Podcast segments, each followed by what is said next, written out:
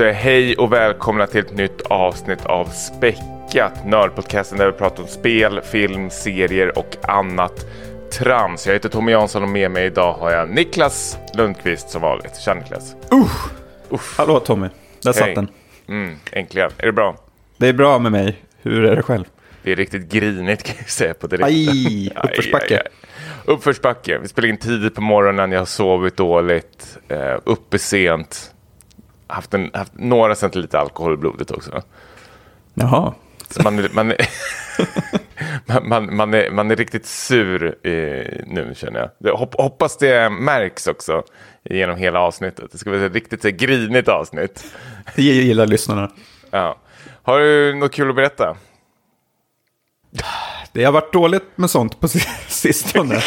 Det är svårt att gräva fram något, men eh, eh, jag kan väl säga så här, för, för det är lite kul. Eh, ett späckat schema idag, inspelning här med dig och sen ska jag vidare och spela in eh, det nya avsnittet i den här poddserien eh, med Shiny-podden med årets album. Och det kan, jag vill bara pegga upp det lite, att det kan vara en, en överraskning i det här avsnittet som späckat lyssnarna kommer gilla. Du tycker bara för att jag är med ett inslag där eller? du är ju typ den sämsta överraskningsspäckat lyssnare. Okay? ja, vi får se, det kanske inte kommer med i avsnittet. Det kanske klipps bort. Ja, det lyfts ut hoppas jag. Ja, nej, men det, det är roligt för uh, Henke som jag spelar in det med. Han har ju blivit ett fan av späckat på senare år. Uh, han har berättat för Hatar mig att... den innan. han visste nog inte vad det var. Avskydd. vad är det här för något? Han har berättat för mig att hans favoritavsnitt av uh, späckat är det när vi uh, går in på Discogs och kollar vad mina uh, album är värda. Alltså mina musikalbum. Och så var har vi de gjort värda. det? Ja. Och så var de inte värt någonting i princip. Um, mm. så, sånt uh, tycker han är intressant. Ja, um, men sånt har vi inte på att bjuda på idag kan jag säga. Nej, det blir det inte. något jag kan bjuda på är att eh, du känner till, du är uppvuxen med mig eh, och har, vet att jag har haft allergi typ hela livet mot typ allt. Äpplen, päron, morötter, hela skitet, jordnötter och sånt där. Men sen, sen jag fick barn, det, det här är så jävla sjukt, jag vet inte vad det beror på, så, så har man liksom när inte grabben vill äta upp maten så börjar man liksom själv pilla i sig den. Liksom. Eh, och då åker in de här frukterna och allting. Men då har jag märkt liksom, senaste tiden så här, jag har ju bara hållit mig undan från alla de här frukterna och jordnötterna. Och sagt, nej men jag är allergisk. Nej, nej inga, inga äpplen i min mat eller någonting sådär. Ingen, ingen frukt eller någonting jag har knappt ätit. Helt borta. Helt borta. Allting är helt borta nu. Det är helt sjukt. Jag bara käkar frukt och morötter som en jävla galning. Och då satt vi i bilen häromdagen och så satt vi och skojade. För det jag varit minst, alltså mest allergisk mot eh, är ju jordnötter. Då har det liksom bara svunnat upp eh, rejält. Och så satt vi typ och skojade typ, att man kanske ska käka lite jordnötter nu då, ha, ha, ha, ha, när vi skulle åka iväg till hotell med familjen och chilla lite. När vi kom in på hotellet så har de ställt fram en, en liten skål med jordnötter. Aha. Och jag sa till min fru, jag kör nu, nu allt eller inget liksom. Och då tog jag en näve och kastade in i munnen. Eh, och jag ser på min fru, hon bryter ihop på direkten. Det sista jag hör henne säga är typ något stil med, ska du förstöra den här semestern också? För hon, tar, hon tar ju fram telefonen och är beredd att ringa 112, att jag ska liksom så dö där. Så liksom, mm. Nej, det gick ju hur bra som helst, men hon tyckte det var det dummaste jag gjort i hela mitt liv. Det där fick jag ju höra eh, resten av dagen, eh, mm. rejält, resten av veckan. Att visst, det gick bra, men du kunde ha förstört hela semestern och vi har inte eh, skrivit att eh, arvet tydligen går på 100 procent. jag fixar sånt först innan du ska hålla på och spela runt. Annars kommer ja, allt gå till din mamma. Mycket bra. Ja. Tänkt av henne. Mm. Hörru, eh, stående segment. Ehm, ska vi gå in på filmåret först? Vi gör det, Vi har en, en, glad nyhet att berätta. Det... Vi, vi, ligger på filmåret 1996 och betar av. Mm. Vad säger vi här egentligen? För uh, jag tycker ju, eller vi tyckte ju båda att 90-talet har börjat uh, oerhört starkt när vi har räknat ner Här är det väl kanske... Alltså jag tycker det fortfarande är bra. Det är bra, men det är mycket bra. som kanske inte um, håller, tror jag. Nej. Eh, är, när jag tittar över 96 så är det mycket förhandsvisningar med din pappa. Ja, precis. Faktiskt. Allt från lilla Jönssonligan till Independence Day. Vi fick gå på väldigt mycket så press screenings då med min farsa via jobbet. Eh, det, Twister kommer jag ihåg att vi såg på en sån. inte du och jag. Nej, du Ja, fick inte följa med. Den var jag har- barnförbjuden kanske. Nej. Jag såg Twister med typ ADHD-gänget i eh, Trollbodaskolan som höll på att kasta popcorn. Det var typ värsta biupplevelsen jag varit med om i hela mitt liv. Usch. Ja. Och efter det du klippte banden med dem. Eh, nej, men vi har ju alltså VHS-favoriter framförallt. Eh, Ja. The Rock, From Dusk Till Dawn, eh, Broken Arrow. Broken Arrow. Och mycket tantfilmer. Eh, Engelska patienten får vi inte glömma. Ja, den kommer jag ihåg att det var mycket snack om att den vann eh, Oscar och att den var så tråkig tyckte många. Ja, jag såg den några år senare och ja, det stämmer. Den är ju riktigt, riktigt usel. ja, faktiskt. Ehm, Jag vet inte vad som hände Långsamt tråkig. Men jag, jag kommer ihåg att det var mycket sådana här, det är nu de här eh, lång, långa, dra, episka dramerna börjar dra igång liksom, med kända skådespelare. Jag tänker på Sleepers hade också premiär. Mm. Eh, det är liksom Kevin Bacon, Robert De Niro, Dustin Hoffman, alltså, eh, Brad Pitt. Liksom, det, det var en hel jävla ensemble där. Liksom. Innan de hade, liksom, eller många av dem var ju redan storstora, men det, det var så här, alltså 90-talsdrama görs ju inte liksom som det görs idag, om du förstår vad jag menar. Ja, nej men precis. This is Jack. Alltid någon, I remember back in 70s. alltid någon voiceover. En väldigt bra bioupplevelse vi hade också var ju, då var väl du med och såg Independence Day på så här morgonvisning. Mm. Ja, det så glömmer jag aldrig. Lasershow. det. Lasershow i salongen. Fy fan Eh. vilken jävla bra. Och eh, jag kommer ihåg en trailer som rullade varmt hemma hos dig som vi hade femplussat innan och det var ju Spy Hard. Ja, där har vi ju 90-talets baksida. det som inte riktigt håller. På både gott och ont. Leslie Nielsen är väl fem plus bara han. Men eh, Mm. eh, Spy Hard var ju typ tyvärr bottennappet. Ja, det var Ja. Ska vi Men- hoppa in på våran eh, favorit då? Och sen Ja. kan vi dra in eh, lite bubblor kanske. Jag hugger direkt här. Ehm, jag måste ju säga Scream. Jag tar rygg. Ja, det är bra. Ja, bra. Fan vad nice. Båda har Scream med sig. Berätta. Jag, eh, jag tror jag har sett den här filmen säkert 30 gånger utan problem. Ehm, vi blev ju så inspirerade av den här du och jag att vi började så här, göra egna filmer. eh, som aldrig blev klara, men det var, det var otroligt, eh, hade stort inflytande på oss tror jag, den här filmen. Jätteinflytande faktiskt. Jag tror den- nästan det var när, när vi såg den här och jag, att du och jag började ta film på allvar nästan. ja. Att vi började liksom, ehm, då för, på tal om Broken Arrow, men då börjar man upptäcka mer filmer än Broken Arrow kanske. Ja, för att den refererade ju till en massa filmer som man bara hört talas om Yes. men aldrig sett. Och det är ju liksom, jag tror hela den här meta-aspekten gick ju över huvudet på oss. Ja, För jag fattade ju absolut. ingenting. Nej, nej, vi pratade om Freddy och Jason och allt det där eh, i, i början till exempel på det här quizet. Eh, Men den Nej, men håller ju... Scream- Mm, den förlåt. håller ju bara som en så här vanlig skräckfilm också tycker jag. Alltså en slasherfilm. Den var ju otroligt spännande och rolig. Även om man inte plockade upp eh, de här referenserna. Så det kom ju sen och då fick ju filmen ytterligare en skjuts. Så att säga. Jo, men det var ju en riktig jävla håll käften-twist i filmen också. Jag tror vi, du och jag hade aldrig sett något liknande. Och då börjar man liksom upptäcka en ny genre, alltså den här whodunit-genren som inte jag alls eh, eh, hade knappt sett någonting innan eller kanske inte ens var intresserad av. Eh, och det var det som var också hela liksom eh, hela, men en stor del av charmen med Scream också, att man satt och liksom gissade vem som var eh, mördaren. Eh, Just det. faktiskt.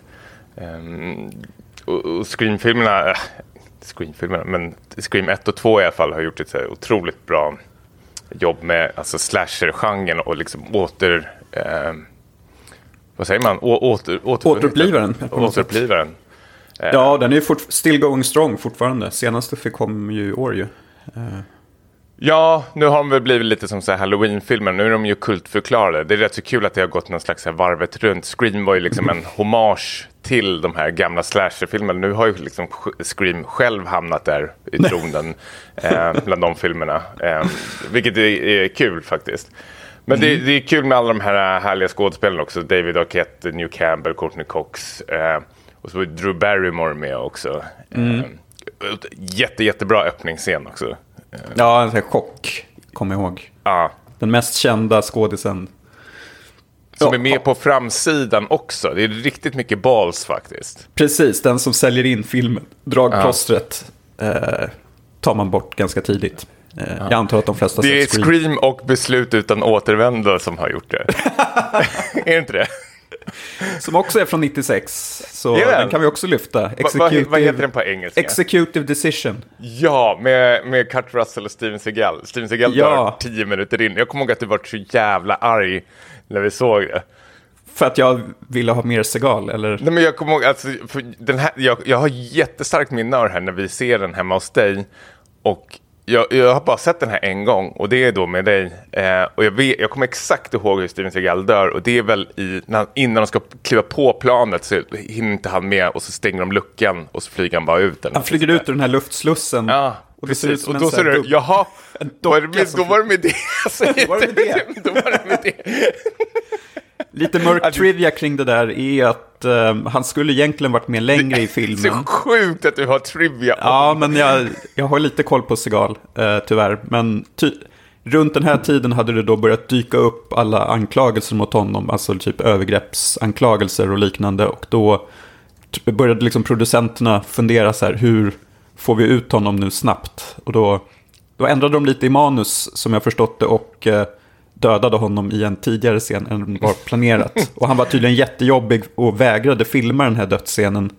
För att han liksom, jag kan inte dö eller någonting så här. Och så mm. till slut typ lurade de honom och, lät, och lyckades få in honom där i slussen. ja, någon, någon, person som är nog väldigt korkad att ha att göra med är nog Steven Seagal om jag får vara lite fördomsfull. Ja, jag tror tyvärr det också. Ja. Ska ja. vi nämna några riktigt jävla bra filmer? Jag måste säga Lars von Triers eh, Breaking the Waves är 5 eh, mm. plus också för mig. Eh, Bröderna Coens Fargo går väl inte att eh, eh glömma heller. Trainspotting också helt mm. otroligt. Eh, jag måste ändå nämna en film som överraskade mig väldigt mycket. Jag gillar, jag var, det här är också typiskt väldigt 90-tals rättegångsdrama. Eh, typ såhär John Grisham movie eller någonting sånt där. Eh, med Primal Fear. Mm. Jag får med jag lånar den av dig också. Den är otroligt bra slut i den också.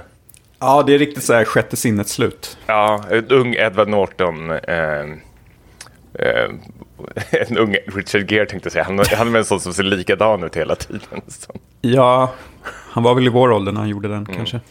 Uh. Ja. ja. Ja, och, det, jag... och, och, även, förlåt, även det här året då det började gå ut för eh, Tim Burton när han släppte Mars Attacks. Som var ja. så jävla usel tyckte jag, kommer jag ihåg. När jag, jag kommer ihåg att jag tyckte den var rolig. Ah, tyckte du verkligen? Var det inte så? Men jag hade man, kanske jag, ganska låg standard där. Ja, eh, jag kommer ihåg att du, du gick ut i biografen och sa eh, fem plus till apornas planet. Ja, eh, tyvärr. Eh, alltså Tim Burtons apornas planet. Tim Burtons apornas planet och sen fick du äta upp det några dagar senare. Ja. Eh, för A Time To Kill, juryn, är också ja, den svinbra. Jävlar vad bra den är. Jä otroligt bra slut också. Typiskt 90-talsslut. Slow clap och clapping hands och allting. Nej, det är skitbra. Nu, hoppa in lite. Ja, men uh, Long Kiss Goodnight tycker jag har... Uh, Gina Davis. Gina Davis och Samuel Jackson, otroligt bra radarpar uh, mm. i den. Ja, ja men det, det är väl typ de. Kingpin. Jag kommer ihåg att du skulle förklara för mig storheten med Kingpin när du hade varit på bio och sett den och då började du säga, ja men det är en kille som slår på en tjejs bröst så här. Bom, bom, bom, bom. ja, han gör ju det för sig, men ja, sa jag verkligen det? Ja, det ja för, du, för du gör, gjorde så här ljud med munnen också, dina läppar vart som en trut också, kommer jag ihåg. Så här, fudum, fudum, fudum. Ja, jag var otroligt... Kom igen, du var ju typ 12 år då. Det jag var imponerad. Ja, men det är en av de, en av de bästa komedierna som gjorts är ju Kingpin. Det, Det går inte att förneka. Fan vad den är dålig alltså. Va? Ja, jag hatar den. Eh, Bill Murray som Ernie McCracken är ju en av de bästa ah, skurkarna. visst.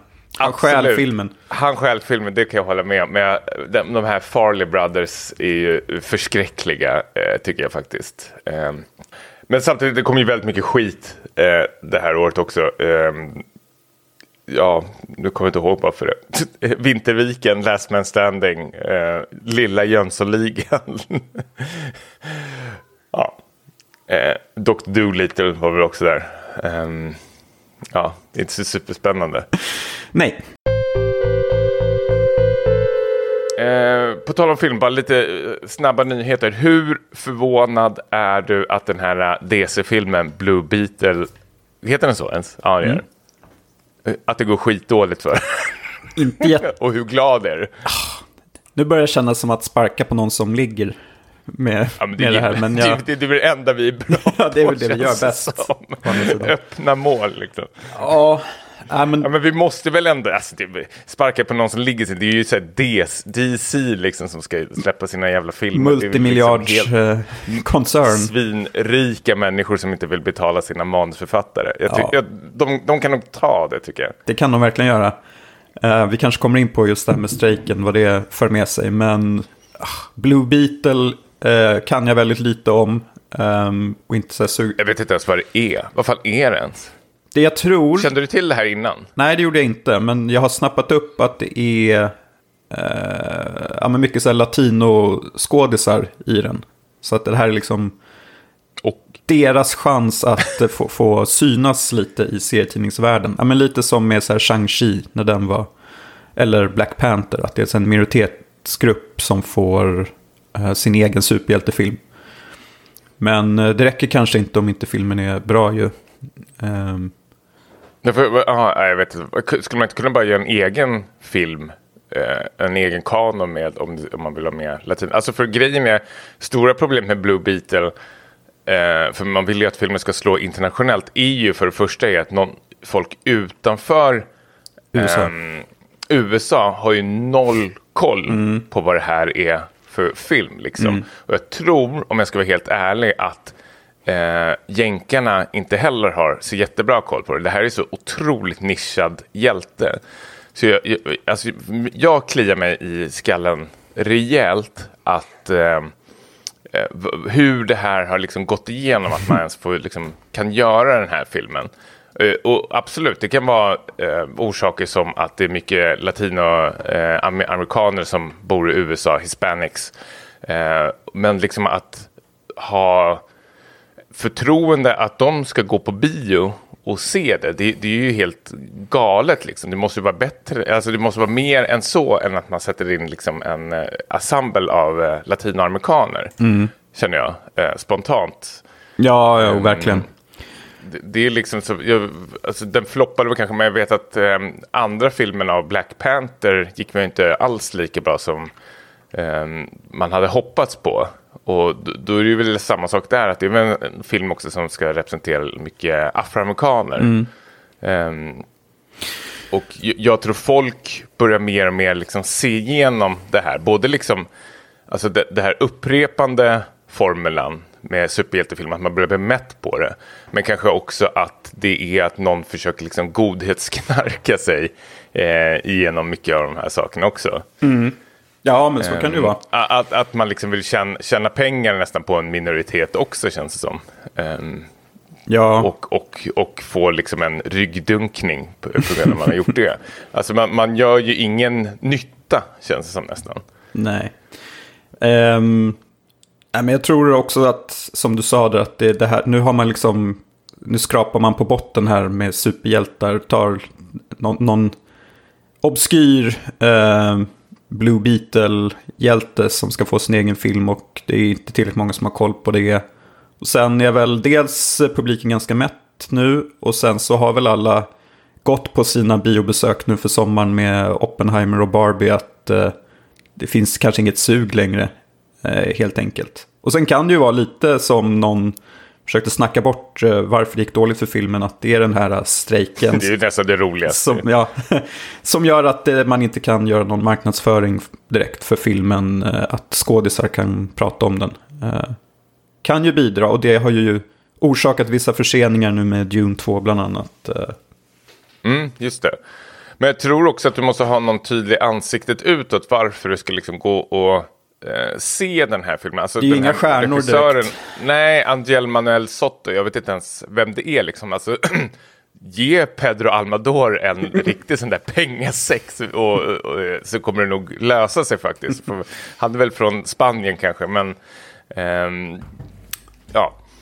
Ja, jo, men Eh, lite... Han är fortfarande inte vi, vit amerikan. Eh, men, men jag tänker samtidigt, alltså, jag, har, jag såg den senaste eh, Spiderman-filmen. Eh, den här animerade, nu glömmer jag bort vad den heter. Into the Spiderverse kanske den heter. Alltså den nya som kom i somras. Ja.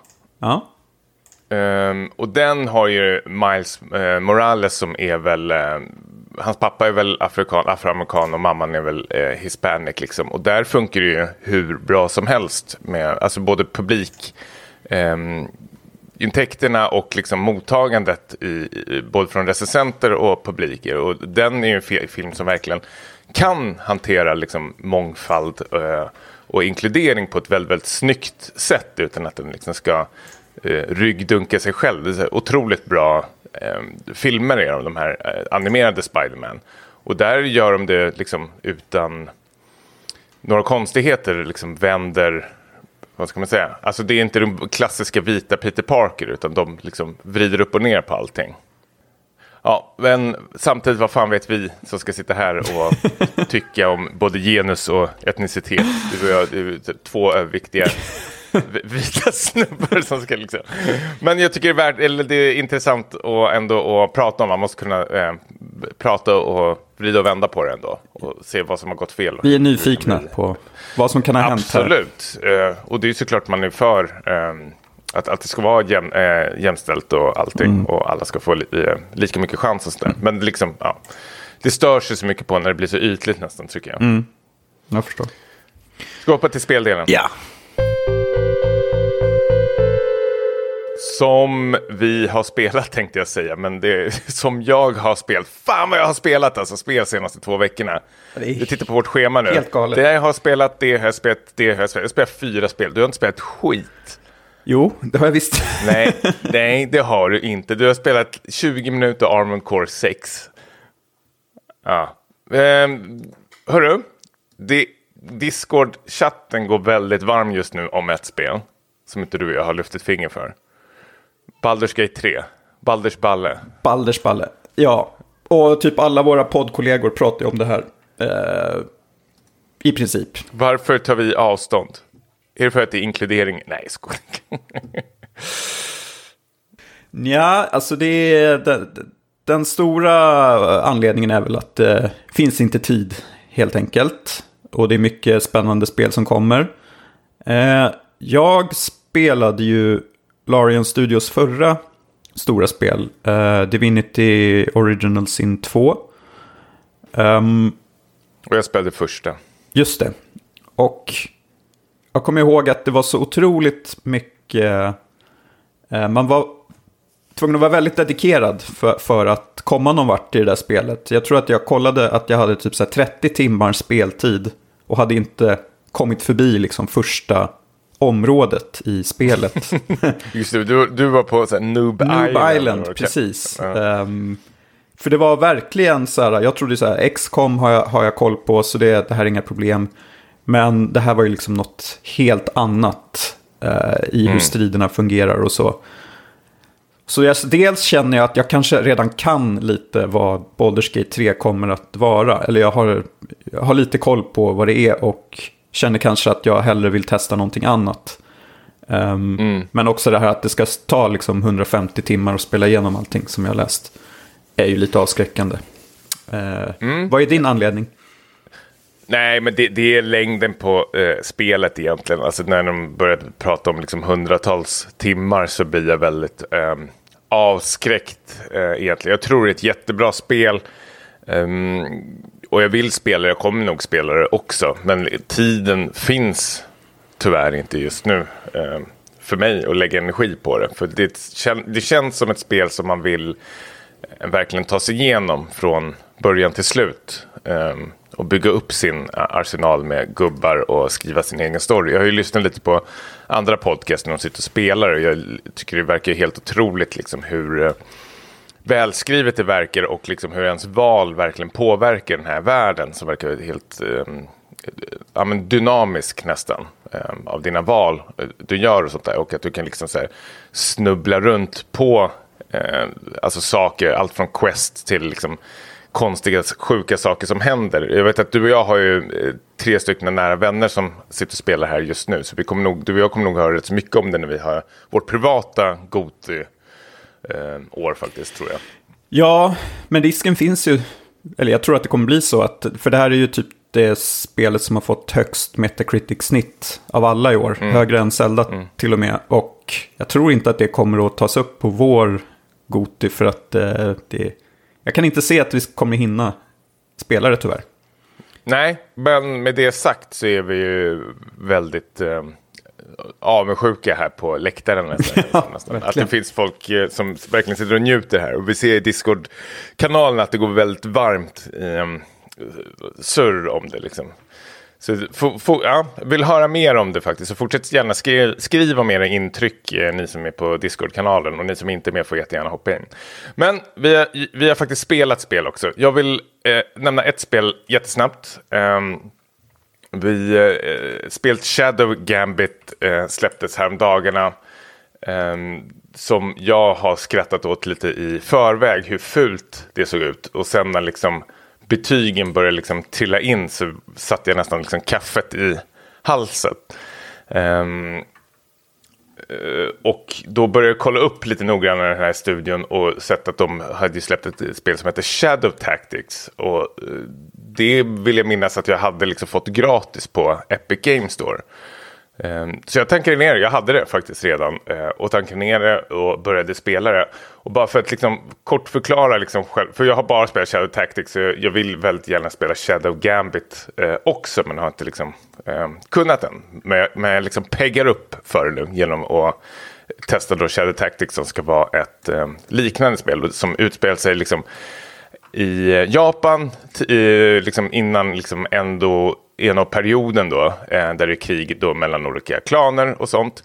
Men själva spelets USP är ju att det är ett, liksom ett eh, taktiskt eh, stealth-game i realtid. Där du ser liksom dina eh, spelare, dina samurajer du liksom, och ninja, ninjor som du liksom eh, styr då. Du har fem stycken, du börjar med en och sen liksom, liksom träffar på vänner så det blir till sist liksom en arsenal av liksom fem personer och alla är liksom bra på olika saker.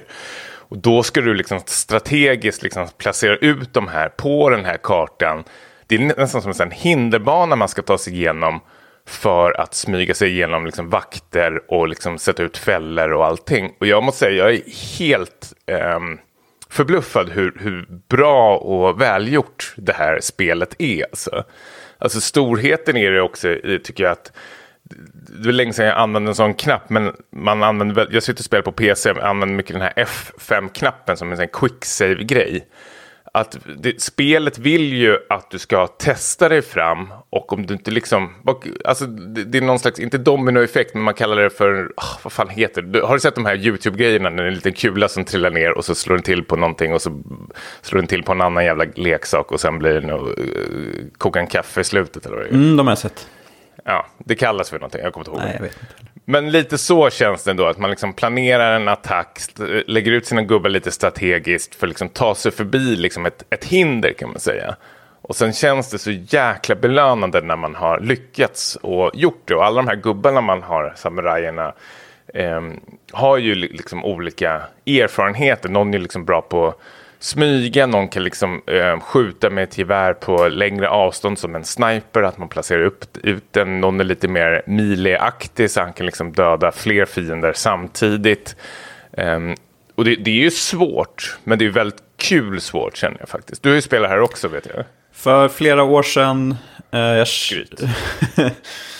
Och jag känner igen, eh, jag kommer ihåg att jag blev också så här förvånad att en sån här gammal genre om man säger, eh, att den höll så bra. Men den var ju moderniserad då förstås. Det kommer väl lite från typ så här kommandospelen från början där man också hade en, en trupp av, av individer då som hade olika förmågor.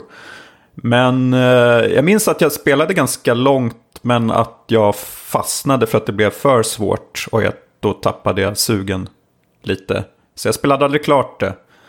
Jag kommer nog inte heller spela klart tror jag. Nej. Men Är det här mest för att testa om du, om du ser att den här stealth-genren är något för dig innan du hoppar på Shadow Gambit kanske? Ja, och jag varit samtidigt också lite så här, varför görs det inte fler spel? För det här känns som en genre ändå som man skulle liksom, um, liksom återuppföda nästan känns som, eh, för att, um, på nytt föda. Men uh, det känns som att um, Senaste gången jag såg någon sån här var väl ändå så här uh, Metal Gear Solid VR Missions eller vad det hette. Som också var väldigt så här, kul att du har ett rum så ska du liksom ta dig an det rummet. Eh, det blir ju lite, ett litet pussel i sig.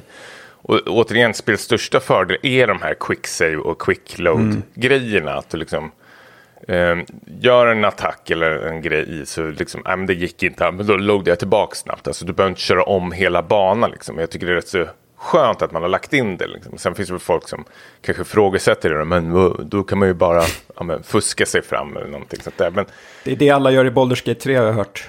Man save-scammar ja, mycket, men, så men det, till, jag liksom. tycker ändå att, ja, men jag tycker det är en svår, eller det är en balansgång där när det är spel som man ska eh, experimentera sig fram för, att se liksom vad som funkar. Och då tycker jag ändå det är ett okej grepp att spelet har det, att du har en quick load eh, då för liksom att du ska, för att liksom få uppmuntra spelarna att liksom utnyttja världen så, eh, så mycket som möjligt.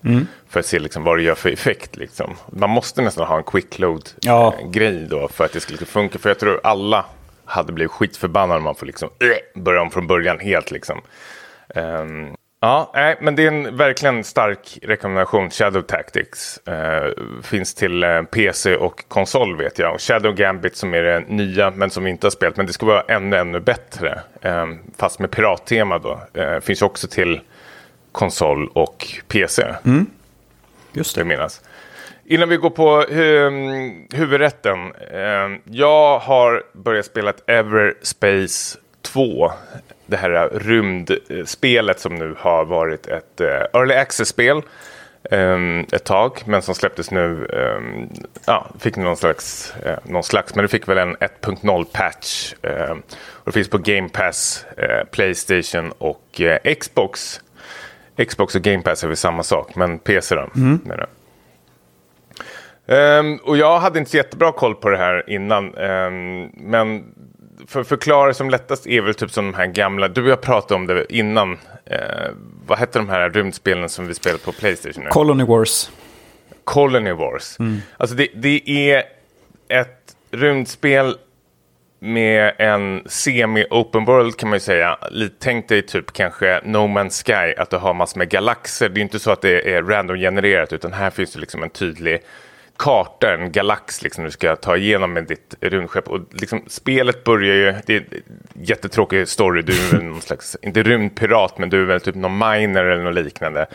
Um, men efter vissa omständigheter så liksom börjar du om på noll och du har liksom din egen bas med en kollega. Det är det här liksom jag börjar gilla med det här spelet på direkt. Att du får en egen bas som är gömd någonstans i rymden. Och då ska du med ditt rymdskepp ut och liksom samla material, skjuta ner fiender och göra massor med småuppdrag. Och för att liksom gå upp i level eller samla loot också till ditt skepp eller uppgradera din bas för att bli bättre. Och det här är ju liksom spelets stora USP egentligen, förutom eh, själva liksom känslan. Eh, för liksom, rymdskeppet rör sig som Um, ja men Colony Wars-rymdskeppen, hur fan ska man förklara? Att du, kan ju röra liksom 360 grader åt alla axlar och allting. Du liksom kan, allt, allt som är upp och ner kan bli ja, men tvärtom och allting sånt där. Och även liksom när du kör in, jag tänker på de här gamla Star Wars-spelen, även liksom Lilat Wars, när du liksom kör in i sådana här trånga utrymmen. Så ibland ska du liksom så infiltrera någon bas eller någonting som är inne.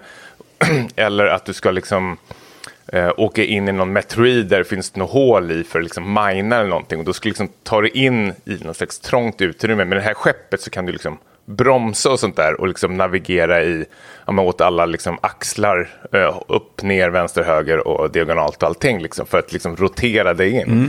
Men det lyckas verkligen fånga i vissa stunder sån här riktigt härlig så här klaustrofobisk känsla liksom, när du ska ta dig in i olika områden.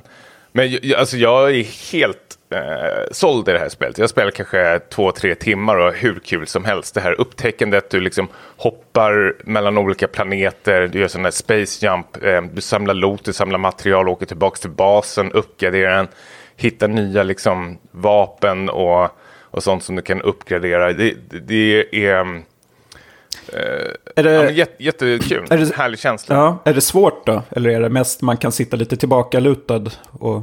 Ja, det skulle jag säga faktiskt. Alltså jag kör ju på normal. Det finns fem svårighetsgrader. Eh, och normal var väl det de eh, rekommenderade.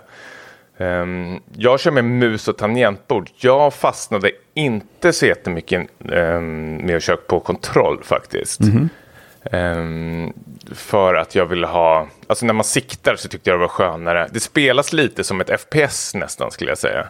Även fast du har skeppet liksom framför dig som en tredje person så gäller det liksom vara väldigt snabb och titta runt när, skepp, när det blir de här rymdstriderna. Så jag tycker ändå det funkar att köra med liksom vastknapparna. Men som sagt, om man vill köra med kontroll så finns det möjligheten till att göra det. Uh, jag spelar till PC då via uh, Game Pass där det finns uh, gratis. Men jag, eh, något som jag också måste nämna är soundtracket i det här eh, spelet också som är helt otroligt. Påminner lite om typ, um, hur ofta ska vi nämna han? John Carpenter. eh, ja, men det är väldigt 80-tals syntaktigt, väldigt så, tungt eh, faktiskt. Mm. Skitbra eh, soundtrack är det, som verkligen eh, höjer upp stämningen i, i spelet och sånt. Men jag, jag kommer definitivt spela det här mer. Eh, det, det här är väl Vet man hur långt det är? Är det liksom ett eh, megalångt spel eller något man kan... Ingen aning. Alltså jag hade inte så jättehöga förväntningar. Så jag tänkte, jag skulle bara, eh, kampanj mellan 20 till 30 timmar står det här. Ganska långt, um, men... Mm. Main plus sides 46 timmar. Så det är ju långt. Completion näst 71 timmar. Så det finns ju mycket att göra typ. Mm, mm. Och jag har väl bara doppat tårna i det. Men jag tänkte så här, det första som jag tänker på när jag spelar är ju No Man's Sky.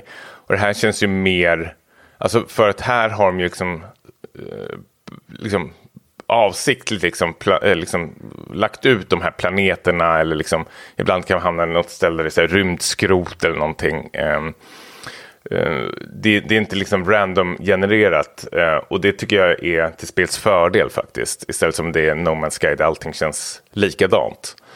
Men jag, jag, gillar väldigt, väldigt, väldigt mycket faktiskt. Om man är någorlunda intresserad av typ så här någon rymdshooter där du tar hand om ett skepp och skjuter. Och du, här är ju liksom, du får ju experience points, du levlar upp eh, eh ditt skepp och allting. Liksom. Det är lite RPG-aktigt. Eh, så här, i lätt bemärkelse. Liksom. Det är inga liksom, så här, jobbiga stats eller någonting sånt där. Det är väldigt lätt allting att ta sig igenom.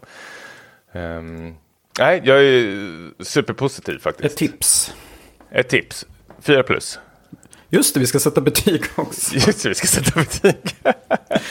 Shadow Tactics, tre plus. Ja, det är rimligt. Ja. Mm.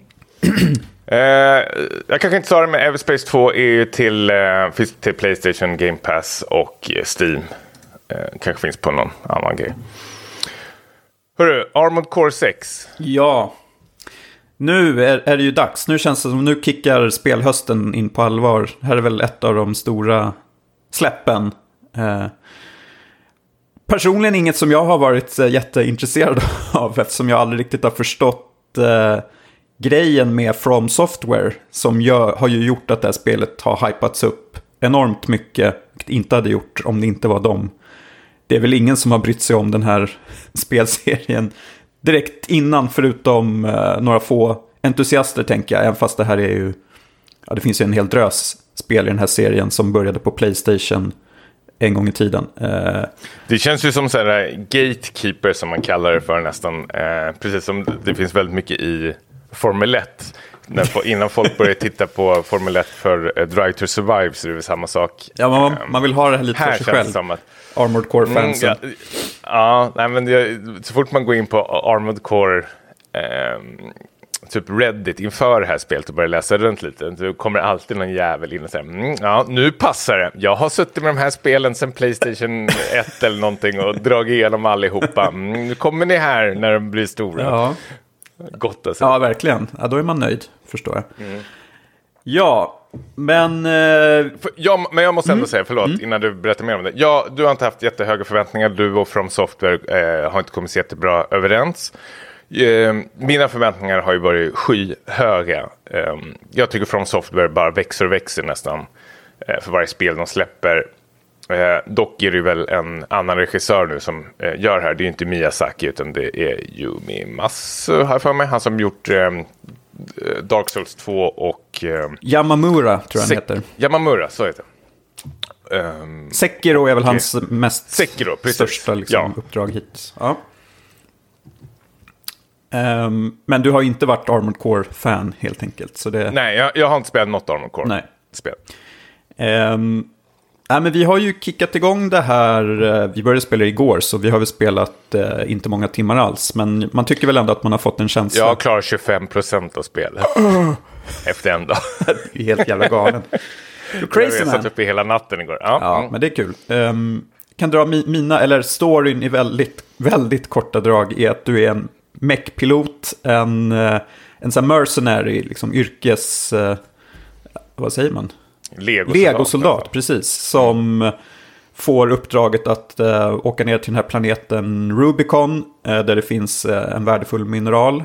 som man då ska ta ifrån lokalbefolkningen. Och man får ju diverse uppdrag av olika företag. att mm. åka ner och, och ja, men typ skjuta sönder infanterier egentligen och förstöra infrastruktur, sådana saker. Um, och det är någon form av story där i bakgrunden som jag inte riktigt har brytt mig om.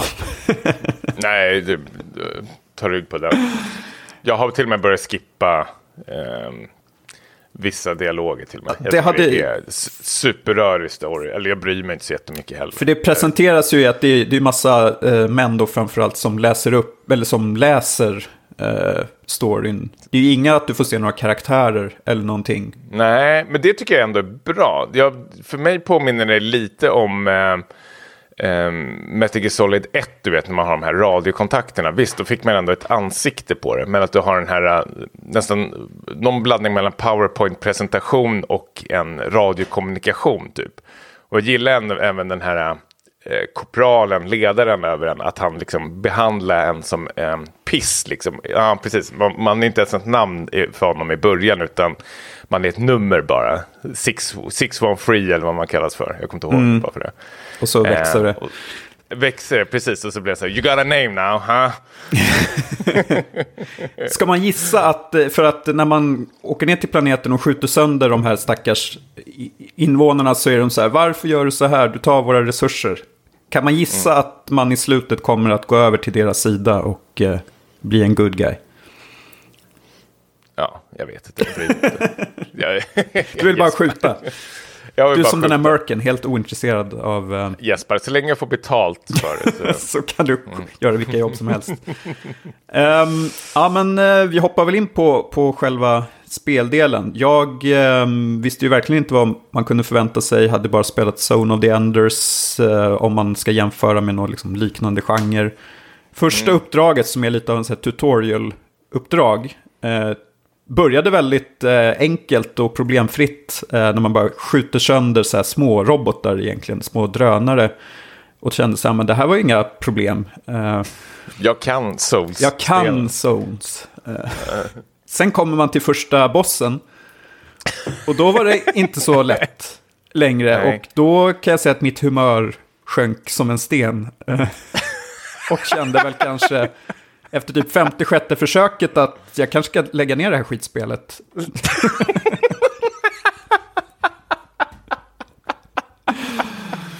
Och då, nu kom ju Armored Core och From Software-fansen skratta åt mig, men då gick jag in på YouTube och kollade hur ska man döda den här bossen egentligen. Ja. Sa de det till dig? Oh, you, you loser. Nej, men då... You lose it. då så, First of all, you're a fucking fag who can't beat the first boss. How's how you do it? That's it. This is how we do it. Okay, so you have to be under him. Ja, precis. Alltså, Jag hade jätteproblem med första bossen också. du hade eh, det. Men kom du på på Ja, egen herregud, hand ja. att du skulle använda svärdet och ge dig in när, i närstrid? Det var så jag gjorde i alla Ja, fall. men det säger de väl? Nej, det sa de inte till mig. Han sa bara att du skulle ha... Sa de inte till mig? Nej, i spelet sa de inte det. De sa bara att du ska försöka flyga lite så att du kommer undan explosionerna. Just det, det kanske de sa, att man skulle hålla sig i luften. Men jag tänkte att svärdet var väl rätt, att man skulle... Jag tänkte väl på, lite med att eh, ofta i de här spelen ska man vara lite aggressiv. Och jag märkte också när man slog, alltså det är lite det som är charmen, om jag får försvara eh, med vissa av de här spelen, att det är lite try and error i början. Att okej, om jag slår med svärdet, hur mycket sköld förlorar han då? Och då märker man liksom att skölden eh, åker ner ännu mer eh, då istället för att man, eh, vad ska man säga, skjuter på avstånd hela tiden. Ja, man ska ju få till någon sån här stagger-effekt. Stagger mode, ja, eh, precis. så att du kan göra stor skada. Ehm, Ja, och den går, ju, den går ju ner om du inte håller den uppe. Liksom. Så det är, ju, det är ju lite stressigt. Ja, man kan inte stå och fega på avstånd. Det är väl det det ska motverka. Nej, men precis. Du, du ska in och kötta. Ja. Ja, men så då klarar jag honom då till slut. Och, eh, Snyggt. Ja. Och sen efter det så har det faktiskt eh, gått eh, mycket bättre. För det finns ju sådana här ehm, ja, pedagogiska träningsuppdrag också där du kan lära dig lite mer moves och få bra prylar. Och, eh, Ja, men det, det, det är det här som är... Ja, nej, men för, förlåt, fortsätt. Ja, men bara säga att jag, jag, jag gillar uh, gameplay-loopen om man säger att eh, åka ner på uppdrag. Som uppdrag kan vara väldigt korta, det kan ju vara bara några minuter långt eller Mm, lite större. precis. Komma tillbaka till basen och ehm, köpa på dig nya prylar och sitta och pilla lite grann i, eh, med din loadout. Och, eh, min första fråga till dig är hur, hur mycket har du suttit med den delen? Eh, jag tror jag spenderar en timme av att nästan bara gå igenom alla statsen och vad de betyder. Bara för att jag ska få någon slags övergripande koll. För det är ju det som är nästan spelets ehm, kärna måste man väl säga ändå. Att du ska ju, efter du har klarat det här tutorialuppdraget som du märkte så låser du ju upp en shop liksom. Där du kan köpa liksom delar till din meck. Och shoppen växer ju mer och mer desto längre in i spelet du kommer och klarar sidouppdrag eller liksom träningsuppdrag och allting sånt där. Eh, och du lär ju dig själv kanske lite också hur du vill spela också. Och då är det nog rätt så viktigt kanske att läsa på om statsen. Man kan faktiskt göra väldigt lätt för sig också och det har jag eh, också gjort. Och det är bara att öppna YouTube och kolla så är det, eh, sitter ju någon psykopat och bryter ner det där. Eh, Och förklarar för en. Och så är det ju oftast med sådana här From Software-spel att Eh, det är, kan ju vara väldigt otydligt, det kan vara höga trösklar att ta sig igenom. Man ska inte skämmas för att eh, öppna YouTube och liksom kolla upp lite för att få lite hjälp, en liten knuff liksom. Eh, så man har, någon, har lite koll på liksom vilken, eh, vilket, vilken direction man vill åt. Liksom. Mm jag vill göra mycket damage och vara snabb. Jag gillar inte den här tunga roboten. Eh, och då, då så att jag pillar runt lite hur man ska lyckas med det. Ja, jag har förstått Mm. att det, kan, det är väldigt viktigt eh, på vissa uppdrag att ha liksom rätt vapen med sig. För att vissa fiender har ju liksom, kan ju skydda sig mot eh, en del saker. Och, eh, Och nu måste man ändå komma in till spels nackdel, tycker jag. Eh, ändå. För att nu har jag ändå spelat, jag tror, jag- måste man ändå klockat ändå fem timmar eller någonting. Det här släpptes ju igår när vi spelade in. Typ. det, det är inte ens 24 timmar gammalt det här spelet. Ehm, och jag har märkt nu att jag har ju kommit så långt in att jag har låst upp massor med saker. Jag har kommit till ännu fler bossar som är ännu svårare än den här eh, första bossen. Och jag gjorde väl en bild på min meck som jag tyckte, men det här funkar. Ta mig igenom, ta mig igenom. Och sen kom jag till exempel i, som igår kväll, kom jag till en boss som var svinsvår. Jag fick inte ner han. Jag fick inte ner hans sköld eller någonting. Alltså den rörde sig knappt. Jag säger någonting är fel här. Och då kollade jag upp på YouTube och så sa de att när du möter den här bossen så måste du ha den här typen av vapen. Annars är det typ omöjligt. Och då var det liksom vapen och utrustning som inte jag hade köpt än i shoppen. Vilket betyder att jag måste hoppa ut ur uppdraget, samla på mig pengar för att köpa de här delarna och sen hoppa tillbaks och köra om allting. Eh, och då gick bossen ner hur lätt som helst. Men då började jag klia mig lite i huvudet och tänka typ så här. Eh... Ja, för att det, de har ju liksom rek reklamfört det som att man kan köra vilken playstyle man vill. Och det kan man inte tycker jag. Nej. Alltså då måste man vara kanske skitduktig i sådana fall. Men jag har ju märkt väldigt tydligt att eh, om jag hittar en, en, en bild, alltså jag, jag satt på YouTube och tittade runt lite, sen satt jag och pillade lite själv och tyckte att jag fick ihop en, en meck som liksom funkade väldigt bra i min spelstil. Mm. Alltså precis som i Elden Ring eh, och eh, vissa Dark Souls-spel Eh, också så är det samma sak där, att man kollar upp, man sitter och pillar lite, man skräddarsyr liksom, och du kan ta det igenom. Jag vet liksom i, i From Software-spel så kan du liksom spela naken i stort sett och klara bossarna. Så då vet man, man vet ändå på något sätt att det går ändå eh, att ta sig igenom. Men här får jag en känsla av att om du har fel komponenter på så är du helt körd. Och det tycker jag inte är till spels fördel för min smak i alla fall. Mm. Um, jag sitter och spelar väldigt, eh, eller jag spelar en liknande spel, alltså Earth Defense Force som jag tok älskar så finns det en karaktär eh, som heter Fencer som påminner väldigt mycket om de här eh, mexen i Armored Core där du liksom sätter på massor med komponenter på den här Fencern och kör runt. Eh, och den tycker jag är mycket roligare och bättre och finns liksom mer variation på än vad det finns på de här robotarna i Armored Core.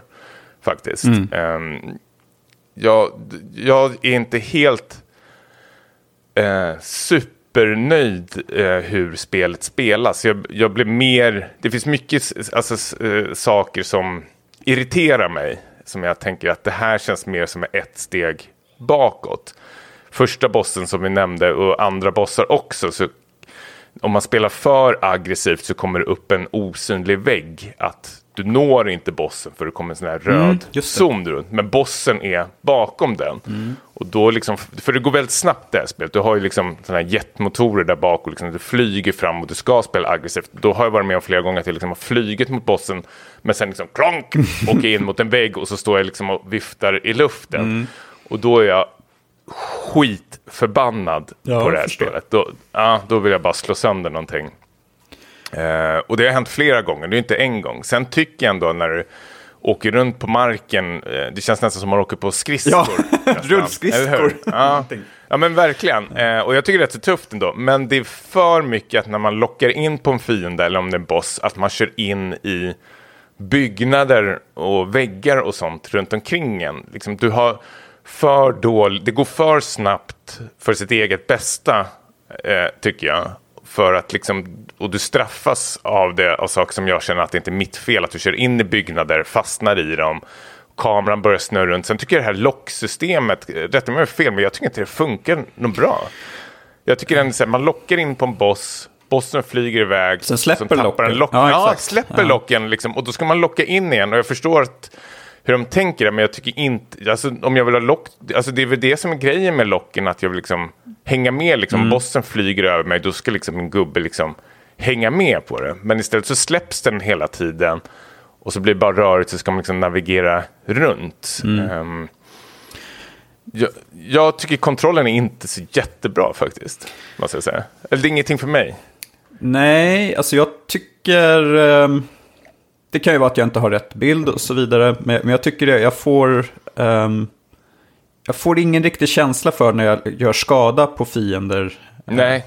Vapnen känns mesiga. De, de känns inte tunga att skjuta med på, på ett skönt sätt. Precis, det är, jag känner samma sak. Alltså, återigen, bara Earth Defense Force-spelen, när man använder fencer så har man sådana här raketer på ryggen liksom man kan skjuta iväg. Och de liksom... Mm. Och de, det är som så tufft med de raketerna, liksom, de skjuts iväg, sen stannar de i luften. Nu har vi har nämnt Elysium förut, men du vet liksom när raketen stannar i luften innan de fått farten och sen mm. flyger den iväg.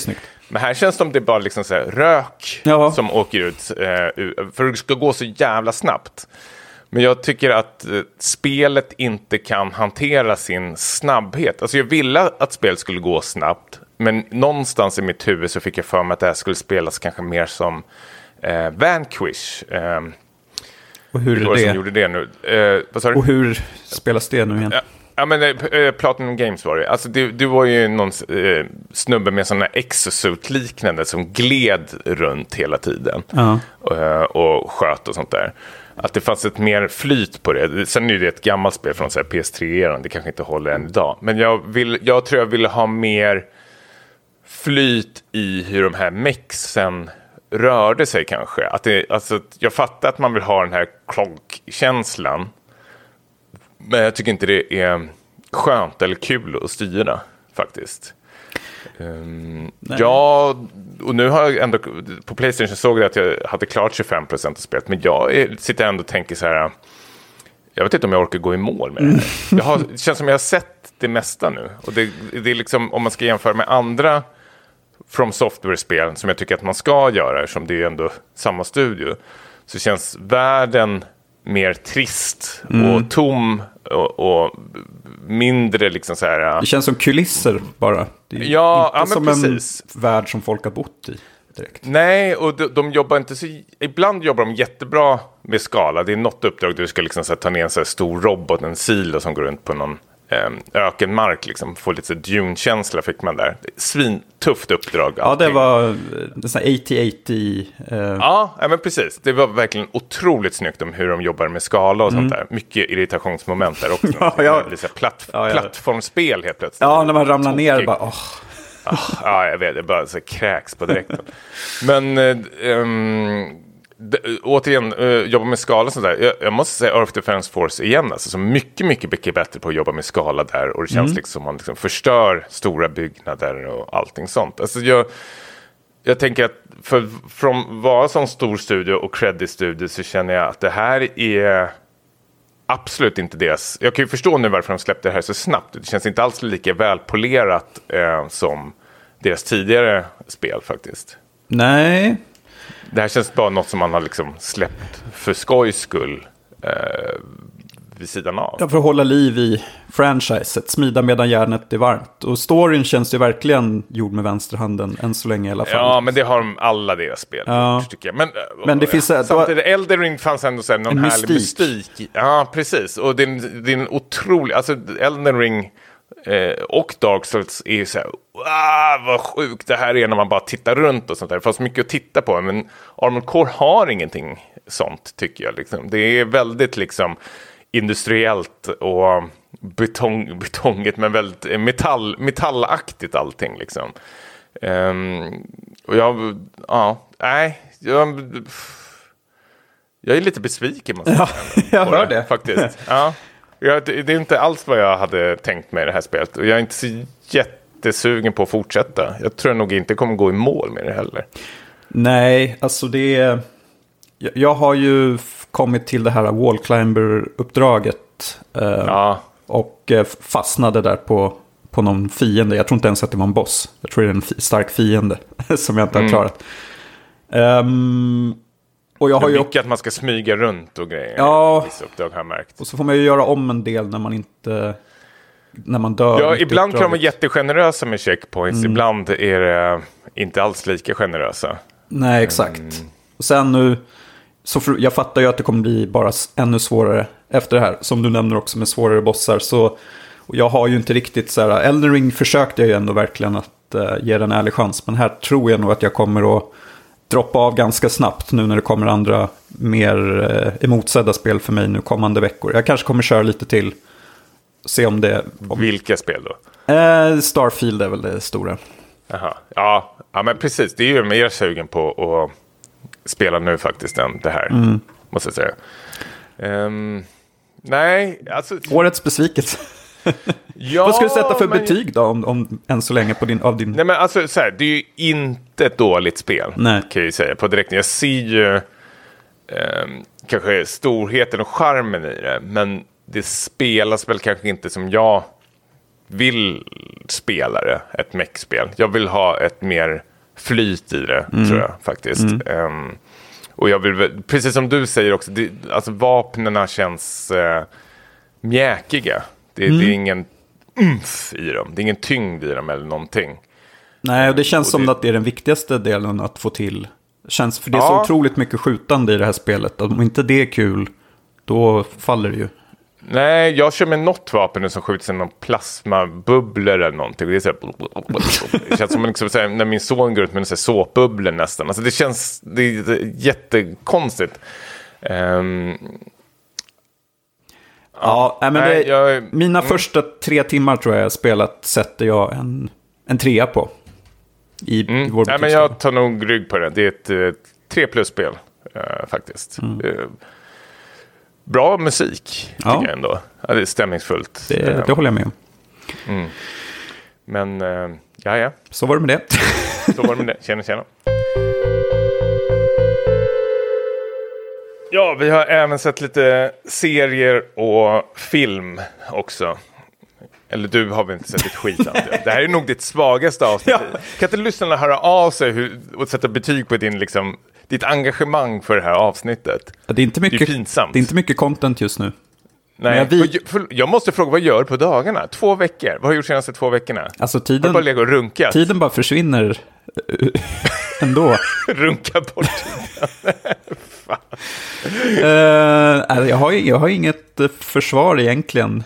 Jag vet inte riktigt var tiden tar vägen. Jo, men jag har ju faktiskt, jag har ju spelat Kul. Det eh, låter som här Christopher Nolan.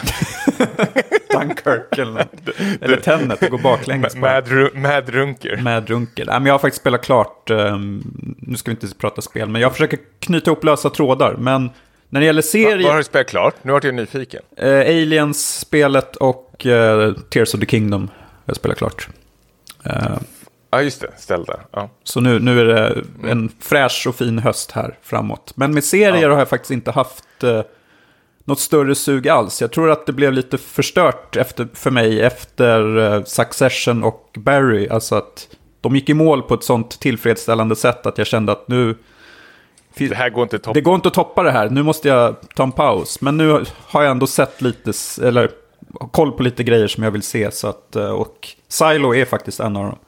Eh, Okej. Beroende på ja. din recension här, det kan vara att jag stryker Beroende- den från listan. Ja, men jag har eh, tagit mig igenom den faktiskt. Ehm, den här serien som bestä- eh, baserad på en eh, bokserie också. Jag tror den här Ull på svenska. Vågar jag säga det?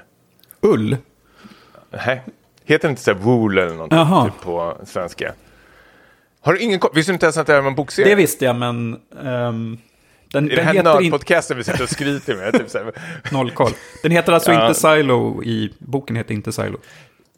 Nej, jag tror samlingen heter Silo. Nu, har nu sitter vi ju bara så men jag tror de heter så här Shift. Det är så tre böcker. Dust heter väl någon bok. Eh, jag har inte läst dem. Eh, men jag har varit väldigt sugen otroligt länge. Men eh, nu kom serien så jag tjuvade igenom den istället. Ja, men du har rätt. Den, het, den heter Ull. Wool. Helt rätt. Mm, Titta. Varför heter den det har jag faktiskt ingen aning. Det framkommer absolut inte i filmen. Men något som framkommer i, i titeln är ju eh, Silo, att de, eh, mänskligheten har ju överlevt någon slags katastrof. Man vet inte liksom vad det är, utan under liksom flera decennier och århundraden till och med så har ehm, ett eh, tusental människor liksom grävt sig ner under marken för liksom eh, bo där och liksom starta ett nytt liv. En, en jättesilo med liksom hundratals våningar och som liksom kan jämföras också lite med typ eh, lite, lite så här klasskänsla också. Att de rika bor lite högre upp medan de eh, gruvarbetarna och mekanikerna bor liksom längst ner och håller den här silon eh, igång då. Och det är där eh, vår liksom, huvudkaraktär ehm, eh, Rebecca Ferguson kommer in som eh, jobbar som eh, mekaniker men efter vissa omständigheter eh, som vi kanske inte ska gå in på så blir hon utnämnd till eh, Silons sheriff. Och eh, samtidigt ska hon nysta i ett mord då som en av hennes eh, kollega slash liksom älskare eh, har dött då under vissa omständigheter. Många tror att det är ett självmord men eh, Rebecca Ferguson vill inte tro det utan hon tror att det är någonting som han har varit på eh, spåret med. Alltså att det är en liksom någon slags, eh, vad kan man säga, eh, komplott mot liksom, alltså de högre. Konspiration. Gömma någonting. En konspiration mot, ja men att eh, Ja men, eh, ja men till exempel Tim Robbins karaktär, han är väl någon slags eh, president eller vad man ska kalla det för, eh, eller guvernör för den här silon. Eh, och man märker väldigt snabbt att han har väldigt mycket så här, hemligheter för sig. Eh, och vad det är, eh, är ju det liksom Rebecca Ferguson försöker liksom nysta i. Liksom, vad är det för något som händer bakom kulisserna i den här eh, liksom silon och varför är det liksom så känsligt med sådana här gamla reliker att behålla dem. Det finns ju mycket så här regler och sånt. Um, där bland annat om du behåller en relik från typ uh, ja, men, mänskligheten som, alltså innan ovan jord liksom, så blir det liksom ett uh, hårt straff, uh, liksom, allt från fängelse till att du ska liksom, skickas ut, slussas ut i den här världen. Mm. Och det är liksom här den här själva liksom utslussningen, alltså första avsnittet börjar ju egentligen med där man får följa två stycken personer som har varit med om någonting, man får inte reda på vad, men de väljer liksom frivilligt nästan att eh, gå ut ur silon. Och utanför silon så är det, liksom, är det instant death liksom, och då får liksom de här som bor innanför silon, liksom, de kan ju liksom se ut via en kamera hur det ser ut. Och det är väldigt liksom eh, postapokalyptiskt, alltså världen är ju liksom bara av sand och skit liksom. Men när man märker, eh, när de här personerna går ut ur världen så ser ju de någonting som varken vi eller eh, de som bor innanför silon liksom eh, vet om. Liksom. Det, no det finns ju någonting där ute eh, som liksom ja, både vi tittare och eh, liksom, de där inne liksom, inte vet liksom, vad är det för något de ser egentligen. För alla gör liksom, någon slags reaktion kan man ju säga innan de liksom, faller ihop eh, och dör då på plats. Så det är ju liksom, alltså, premissen i Silo är ju otroligt spännande måste jag säga faktiskt. Alltså, det här eh, Rebecca Fergusons liksom, detektivarbete om de här högre makterna i silon. Eh, vad de gör, vad för något de försöker underhålla liksom för människorna här i. Vad finns det egentligen där ute liksom? Ehm, och även vi tittare då som liksom börjar liksom eh, sitta som på nålar mot slutet när man börjar liksom närma sig slutet då och för att liksom få den här twisten eller vad det nu ska vara för att liksom vad egentligen som finns där ute då. Mm. Eh, jag måste säga att jag är väldigt nöjd eh, över den. Eh, den tappar väl lite i mitten av eh, säsongen. Men jag tycker både början, där den sätter själv liksom premissen och standarden, eh, är otroligt, otroligt bra. Och sen sista liksom, två avsnitten, liksom, när de ska knyta ihop säcken för den här säsongen, blir väldigt, väldigt spännande faktiskt. Och jag tycker att de avslutar liksom på topp. Jag tycker det var jätte, jättebra avslut. Det var så här, okej, okay, det här vill jag verkligen se eh, mer utav. Men den har en del liksom, eh, ja, dalar tyvärr i mitten där jag känner mig väldigt så, ointresserad och där den liksom trampar för mycket vatten. Jag tycker man skulle liksom kunna korta ner den här säsongen kanske till fem avsnitt. Jag tror det är typ tio avsnitt mm. eller någonting eh, nu. Um, och det är väl lite synd, det är väl seriens liksom svaghet. Liksom. Men jag tycker ändå så här, Rebecca Ferguson, jättebra. Fan vad hon är grym alltså. Sen har vi artisten då, Common som är med och Tim Robbins som är de största stjärnorna. Också så här, svinbra eh, är de. Mm. Men någonting som är typiskt Apple TV är ju liksom allting runt omkring. må, jag måste ändå, alltså det, det, här är väl den, för mig i alla fall, sämsta streamingtjänsten. Och det märks ju på Alltså de, de lägger väldigt mycket pengar på eh, premisser och liksom allting. Alltså de, de är duktiga på liksom att eh, här har ni en sjukt cool premiss, nu ska vi göra tv-serie av det och här har vi massor med grymma skådespelare. Men det händer någonting alltid i Apple TV-produktionen, någonting i mitten av säsongerna, att de liksom får slut på idéer känns det som. Um, jag tänker alltså allt ifrån Ted Lasso till uh, vad fan heter den där när de gräver ner sig under jorden också som du tycker så mycket? Severance. Severance. Severance. Severance, ja. Samma sak där. Men sen är det också att det är ett sånt jävla uselt jobb med så statister tycker jag i den här serien. Att det är mycket personer som bara går runt utan så här direktiv. Det känns nästan som så här NPCer går in i varandra. Så jag kan så här bara, helt plötsligt liksom tappar jag fokus och börjar titta på massor med folk runt omkring som går runt. Och det känns jätte, jättekonstigt eh, tycker jag. Eh, väldigt plastigt ibland också. Väldigt mycket CGI i den här eh, Silence såklart. Men jag tycker att det li, li, alltså så här, skådespelarna är ju de som liksom håller upp det här. Men liksom kvaliteten på det tycker jag känns väldigt så här, tv-serieaktigt. Den är inte så supersnygg eller någonting. Den är helt okej. Den är inte ful heller. Men, Nej, men jag håller med om Apple TV Plus att um, det, deras serie lyfter inte riktigt. Jag såg i första säsongen av Foundation, den här otroligt påkostade sci-fi-serien. Och nu har det kommit en säsong två som jag inte är ett dugg sugen på att kolla på. Ehm, jag ser ju mycket hellre Silo, även fast i bakhuvudet så finns det någonstans att jag kanske inte kommer orka se klart eh, hur många säsonger det nu blir. För jag kommer tappa intresset på vägen. Ehm, det är i och för sig lovande att det finns um, tre böcker, tror jag det är va? Ehm, ja, det är tre böcker. och att det kanske kan bli tre säsonger av det, att det är lite avgränsat på det sättet. Men eh, ja, Samtidigt, jag måste ändå liksom ta tillbaka det jag sa förut ändå. Jag tycker slutet var jättebra på den här säsongen. Men jag skulle nog vara rätt så nöjd om de säger att eh, det blir inget mer än så här. Så det här är slutet. Att det får vara lite halvöppet ändå. Jag tror det kanske hade varit till dess eh, fördel. För jag kan inte, nu när jag tänker efter ändå. Jag, jag ser vad den ska, liksom kommer barkas åt. Men ehm, då måste man ändå ha en twist till på det ändå. Och det är jag inte så jätteintresserad av vad det kan vara. Nu har jag fått den största twisten liksom levererad ändå. Ehm, och jag kan inte se att den kommer liksom bräcka den på något sätt. Men jag, jag kan ha fel här. Ehm, nej men jag har, jag har ju fått såna här, känns som man alltid har det, tre gratis månader med, med Apple som man har fått för att man har man köpt får någon produkt. hela tiden. Inte ens, man, man, man ber inte om Nej, det, men precis. Apple De kastar sånt på en. Så då tänker jag då kanske jag ska kolla på Silo. eh, så jag får någon användning för den. Men, eh, Men, men du håller med om själva Apple TV att det är en otroligt här, 2 plus-tjänst? ja, det känns som att de har storsatsat. Men det har liksom inte... Nu gillade jag ju Severance förstås, förstås, i och för sig. Men jag hade nog föredragit om det bara var en miniserie som jag trodde att det var. Eh, men det känns alltid som att det är så här starka öppningar och sen planar det ut. Ja, precis. Alltså det är typiskt... ehm, Så egent- ja, men Apple TV. Egentligen bör man ju vänt, sak vänta där. med deras eh, serier tills man har allt på ett bräde och vet om det är värt att ta sig an det. For All Mankind är jag i och för sig sugen på, men den tänker Ja, jag vänta tills den är klar.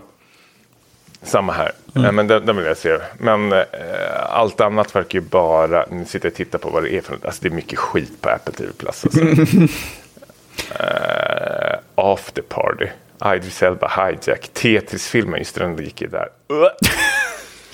Ja, och den här Platonic nu med Seth Rogen verkar ju så otroligt usel. Jag tror jag Aldrig. skippar den. Ja, nej, men det blir hard skip på den. nej, ehm, nej, men eh, jag tror Apple TV hade väl kanske ehm, tjänat på att kanske ha kortare avsnitt och lite mer välproducerade avsnitt istället för bara ehm, lägga ut för, för att liksom... För content. Sakens skull. det är Ja, väl det som är precis. problemet, att de måste fylla ut tjänsten med Mm. någonting och så blir det för mycket Ja. skit. Men jag tycker ändå Ne- Netflix gör samma sak här också. Det är väldigt mycket sånt på Netflix. Känner jag också deras tv-serie. Eh, det var länge sedan man såg något bra Netflix-producerat. När jag tänker efter. Ja. Eh, de hade väldigt mycket, kommer kom ihåg när det var så Netflix original series. När det var ett coolt branding nästan. ja, nu är det, Det känns som det är en varnings, dåligt. varningstecken. En varningstecken, ja, precis. Att, uh, Håll dig borta. tänker jag inte ta med tång. Liksom. Eh, vi har sett film också. Ja. Eh, Det är till filmklubben till och med. Så. Filmklubben, precis. Mm. Eh, det var ju då Dungeons and Dragons Honor Among Thieves som vi tog oss an. En 2023-film som ju... För en gångs skull. Ja, men precis. Försöker vara lite up to date här. Eh, den finns ju att hyra från diverse tjänster. Och... Eh, eh, vad är ditt förhållande till Dungeons and Dragons? Har du spelat det någon gång? Eller är du liksom Eh, alltså Eh, bo- det bordsrollspelet. kom- så har jag väl spelat MUTANT eh, väldigt mycket. Mm, jag också. och, ehm, Kult har jag spelat. Ja, det har inte jag spelat. Men Drakar och Demoner har jag däremot spelat. Eh, men Dungeons and Dragons har jag inte provat på. Nu sitter du och gör massor med konstigt. Nej, men för- inte det samma Är sak? inte det samma sak? Men det är ett Nej, det är det inte. Jävla. Dungeons, men drag, Drakar Svenska och drag- Demoner blir väl inte Dungeons and Dragons? Nej, det blir ju inte förstås. Nej. Men det är väl en svensk version av det som är sin egen grej då. Inspirerat av det kanske. Ja, absolut. Men det är ju inte samma regelböcker nej. eller någonting. Eller samma universum. För här är ju, och det märker man rätt så snabbt i Dungeons and Dragons-filmen, alltså folk som har, är med lite i ga- gamet, är ju att de nämner bland annat Baldur's Gate. Mm. Eh, alltså det är Dungeons and Dragons-universumet och Icewind och... Eh, ja, du kommer inte ihåg ställen från Dungeons Dragons, men det är väldigt mycket de här... Ja, men Neverwinter nämns ju också ju. Ja, just det. Det är ett Nights. spel, ja. ja. Mm, Neverwinter Nights, för det är ju också från eh, Dungeons Dragons. Så det, sånt är ju väldigt ehm, kul eh, på direkten när de kör den här etableringsbilden över eh, kartan. Att just de här spelen har jag spelat. ehm, då, otroligt så här, tufft, eh, stort universum. Verkligen. Men eh, premissen då, Niklas? Ja. Vad är det? Det här är ju en väldigt så här, lättsam och kul matinéfilm där eh, Chris Pine spelar den här... eh, De översätter det som en harpist. Jag tänker att det är någon bardfigur. Han, han spelar på en luta, eller en harpa då förmodligen. Eh, En skojfrisk så här, karaktär som inte har så rent mjöl i påsen. Han eh, sitter fängslad tillsammans med den här barbaren spelad av Michelle Rodriguez. Och ska komma tillbaks till eh, sin familj, eller sin, eh, sin dotter. Frun har ju gått bort, eh, dessvärre. Men, och hans dotter har eh, blivit omhändertagen av farbrorn spelad av Hugh Grant. Som är någon gammal kompis. och som jag tyckte var väldigt, eh, väldigt kul att se Hugh Grant i en sån här roll. Passar väldigt bra. Tyvärr så hade han ju betett sig ganska dåligt på inspelningsplatsen, läste jag. Jaha, oj, sånt här gillar jag att höra. Tyvärr ser du. Jag, jag, Du gillar sånt? eh, Jag gillar ju sånt. Me- jag me började slicka mig runt munnen på direkten. Vad hade han gjort då? då? Det jag läste var att han hade skällt ut en i, i personalen, liksom, Ja. eh, eller som jobbade, någon så här, eh, assistent eller någonting. Och så visade det sig att det inte var en assistent, utan det var bara typ en så här, local, en någon person som bodde där eller någonting. Och det är, det är lite som att, så Mm. Här, hade, hade det varit fram till en, en random? Ja, någon random person som var där som man hade skällt ut. Men hade det varit eh, en som jobbade där hade det varit okej på något sätt. Det lät lite som att det var bortförklaringen. Eh, och sen har han ju varit så här sur och grinig på röda mattan. Så, här, så han känns ju ganska så här... eh, Men han är ju alltid sur, han är ju britt ju. Ja. Det, kän- det är ju någonting med britter när de blir 40 plus liksom. Mm. Det, då ska de vara liksom så här, ehm, ja, väldigt dammiga. Jag tänker på alla de här Top Gear-snubbarna. Ja, de är värst. De, de, ja, de hamnar ju också i så här blåsväder hela tiden och går runt och Mm. skäller ut folk.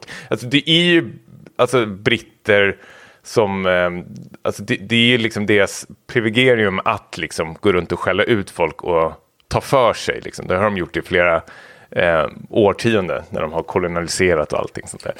Jag tänker att de fortsätter ju bara med det. Det är samma stil. Det är samma stil. Ja. Ja, men och det är väl liksom storyn egentligen att eh, de samlar ihop ett gäng eh, med lite olika klasser, eller vad man säger, en magiker och en så här, eh, någon, jag vet inte vad hon heter, någon cleric eller någonting som kan eh, förvandla sig till olika eh, djur och sånt. Jag kan ju absolut ingenting om det här som du hör. Det är mycket som går över huvudet på mig. Och det är mycket namedroppande, men jag tycker att filmen funkar ändå, även fast man inte känner till all den här bakgrunden. Om vi jämför med filmen vi såg förra avsnittet, Guardians of the Galaxy. Jaha, ja. Nej, ett rövgäng. Ett rövgäng av olika liksom, personligheter som ska samarbeta så tyckte jag att det här var betydligt eh, roligare. Ehm, och jag tycker att Chris Pine utklassar ju Chris Pratt när det gäller karisma och utstrålning. Absolut, det håller jag faktiskt med om. Jag tycker han är perfekt Eh. i den här rollen, typ som i den första Star Trek-filmen, kommer jag ihåg att jag tyckte att han passade så bra i, in i den här typen av ja, men lättsam figur. Ehm, Ja, och han är så jävla snygg också för sådana här roller känns som. Han, han är väldigt bra, med hans utseende och allting så eh, passar han väldigt bra att spela nonchalant eh, snygging hela tiden. Ehm, Det är så kul, på Discorden så har ju folk liksom redan eh, siat nästan vad vi kommer tycka om det här. Att, eh, och, och det, det, det, är en, det är en svår nöt att eh, eh, knäcka det här, för liksom, jag tror inte någon hade höga förväntningar. Ingen har ju frågat efter en Dungeons and Dragons film. Eh, så när det väl kom en så tänkte väl alla på förhand såklart att så här, det här kommer ju bli en flopp. Eh, men så vart vi väldigt många så här, positivt överraskade att det här var väl inte så farligt i alla fall. Det kanske var en liten fräsch fläkt ändå. Mm. Eh, och att det var liksom en överraskning. Men nu är ju du och jag liksom det här barskrapet som ska titta på den här. Att, liksom, att om det går liksom ett, ett varv runt till, liksom att um, Ja, nej men så rolig var den väl inte. Att man liksom började såga ner på folk som tyckte att den här ändå var en, eh, en, en positiv upplevelse ändå. Ja. Uh, men jag tycker, alltså så här, för mig är väl det här, det är absolut ingen dålig film, men det är absolut ingen jättebra film heller. Jag tycker att det, det den um, gör sig bäst på är väl alla de här ja, när det ska slåss, när det blir lite matinékänsla, att de håller på och hoppar runt med varandra och kastar eh, saker till varandra och ska prata med varandra. Och det ska vara lite tramsigt samtidigt. Eh, det, det, det gör filmen väldigt bra. Men sen när de ska sitta och hålla på och prata med varandra, då, min hjärna lämnar ju kontoret på direkten. alltså jag, jag tänker, alltså det är allting som kommer ut i munnen nu, de är ju så ointressant i den här filmen. Alltså när de ska vara seriösa och ha liksom ett, ett snack, liksom, när de ska sitta och förklara för oss vad som händer. Mm. Då känner jag att det här är så ointressant just nu. Ja. Um, så det är en film som mm. var några dagar sedan vi såg den nu, så det är ju så här... Uh, kanske inget som man kommer att minnas för evigt direkt. Um, men jag Uh, jag fick ju den här känslan i den här filmen som jag ville ha i senaste Guardians. Att det var matinéäventyr. Visst, den här är typ 2.10 lång, så den är fortfarande lång, men den är ändå en, en så här, den blåser ju förbi, uh, tyckte jag, jämfört med mm. Mycket annat så här Marvel uh, i, i genren då. Och det finns ju någon form av så här, jag gillar så här fantasy-känslan som typ så här gamla Willow, Lady Hawk-filmer från 80-tal, 90-tal. Uh, som är uppdaterad på ett kul sätt. Um, och det var någon heist de ska göra där som involverar en så här typ portal-spegel uh, som jag tyckte var rätt så här kul. Sen så kanske slutet... Men så föll den platt. Vad sa du? Den, föl, den följer så otroligt platt. De bygger upp någon heist-grej. Ja, men sen så funkar sen, inte den. den. Så funkar inte Nej, och då får de göra något annat. Det var för sig lite tråkigt. ja, så nu går tillbaka till plan C. Oh, det är plan B. Nej, då, blev, då tappade de det. Och så var det jobbigt snack hela tiden. Ja. Då tänkte jag, hej då. Jag tycker finalen blev lite för mycket om CGI-fest. Med, Just det, då fick ja. det lite för mycket så Marvel-känsla som jag hade. Uh, som jag inte tycker att första halvan av filmen hade. Uh, mm. Och... Uh, nej, men jag, det, det, en kul stund. Tycker jag att det var. Man, man, uh, man, man hade ju ganska låga förväntningar trots allt. Även fast den hade fått höga betyg mm. av många som vi känner. Kul med en tjock drake, eh, inkluderande tycker jag. Väldigt inkluderande, diversifying. ja. eh, någonting, men det som jag tänkte var ju att eh, den här har ju större budget än vad första Sagan om ringen-filmen hade. Ehm, såklart. Ja, jo. Säger jag. Ja, men det kan ehm, nog stämma. Och hur ful den var i jämförelse med den. Eh, särskilt när man, skulle, när man har sådana här kortväxta människor som ska stå bredvid jättehöga människor. Så kändes det så otroligt fult och greenscreenat eh, allting att de inte ens la liksom, energi på liksom, eh, arbeta kanske med kamera och illusion. Att någon kanske står liksom, lite framför kameralinsen, någon står lite längre bort. För att, liksom, eh, för att, för att det ska bli liksom, att man använder lite praktiska effekter istället för liksom man ska nästan CGI liksom in en bakgrund. Alltså den, den kändes ju väldigt, väldigt plastig eh, på sina håll, mm. tyckte jag. Mm. Um, Dock en del ju, praktiska effekter ja. i, som jag uppskattar. Alltså på typ när ja. kyrkogårdsscenen tycker jag var väldigt... Uh, ja, lite Arm of Darkness-känsla. Ja, exakt den jag tänkte på. Um, ja, men det, sånt gillar jag jättemycket. Um, Det var ju en eh, post-credit-scen där en av de här skeletterna var kvar. Ja, då hade du stängt av. Då eh, hade jag zonat ut. Då sänkte jag betyget. Fan vad dåligt det var. Eh, sen måste jag ändå säga hur otroligt mycket jag älskar Michelle Rodriguez. Ah. Alltså. alltså hon är fan otrolig vad hon än är med. Hon är med mycket skit. Men jag tycker Michelle Rodriguez är så jävla charmig att titta på. Alltså. Hon, hon är... um, Eh, vad kan man säga? Hon är så otroligt duktig på att liksom vara med i skit men ändå liksom lyfta upp den då. Göra det alltså kul att titta på ändå. Och det är samma sak med Chris Pine också. Det är ju de två som är Bra Eh, kemi. Ja, bra kemi och, och verkligen stjärnorna i den här filmen. Jag tycker om väldigt mycket henne. Att hon, hon är så jävla duktig på att spela kaxig och uppkäftig. Eh, och allting. Jag tycker hon är svinbra faktiskt. Och jag tycker de två funkar tillsammans jättebra faktiskt. Eh, och att man slipper den här kärlekshistorien mellan dem och allting sådär. Utan det är bara två eh, polare egentligen som hänger med varandra. Jag tycker det är jätte... eh. Uppfriskande. Fi, Ja. Fint slut också. eh, Ja, det var det. Mellan de, deras relation. Ehm, ja, men jag är eh, absolut, jag, det, är det är ingen dålig ehm, film. Men den, den kommer nog försvinna rätt så snabbt från minnet känner jag faktiskt. Ehm, om du är ett Dungeons and Dragons-fan så är det väl här ett måste nästan. Det lär det ju vara. Särskilt när man spelar Baldur's Gate nu så tror jag den är väldigt rolig att titta på. Kanske, fan jag. Ja, vad, vad vet vi? Nej, men jag skulle sätta en stark trea på, på den här. Mm, jag har sett en vanlig trea på det. Den är absolut godkänt. Nästa... Vad- nästa film, mhm, Filmklubben, nu ser vi något seriöst tycker jag. Ja, nu får det räcka med tramset. Ja. Vad sägs om lite ta- Polanski? Ja, alltså supercan, alltså på, han är väl mest cancellade människan någonsin. Gud vad jag vill prata om Polanski sen till nästa Ja, avsnitt. det får vi spara till dess tror jag, men han är ju problematisk, eh, minst sagt, eh, men har gjort väldigt mycket film. Ehm, ja, eh, och vi ska väl se en av hans eh, första filmer som han slog igenom med. Eh, Repulsion. Ja, Uttalar jag rätt nu? Ja. det gjorde du. Från 60-tal, va? Eh, 65. Ja, precis. Ja, 65. G- gammalt. Men eh, det är väl en film som man ska ha sett, känns det som. Eh, känns som en cineastgrej att man ska ha bockat av den. Eh, nej, inte. Jo, men jag håller med. Jag sitter och läser här. Det är hans första engelskspråkiga film, så det är väl kul. Mm. Jag har sett den. Eh, finns ju att hyra på cineasterna och lite andra tjänster. Så den går att få tag i. Precis. Det här var ju innan hans... Eh, ja, vad kan jag säga? När, innan han var till, eh, tillsammans med eh, Sharon Tate. Sharon Tate och hela den tragedin. Ja. Precis.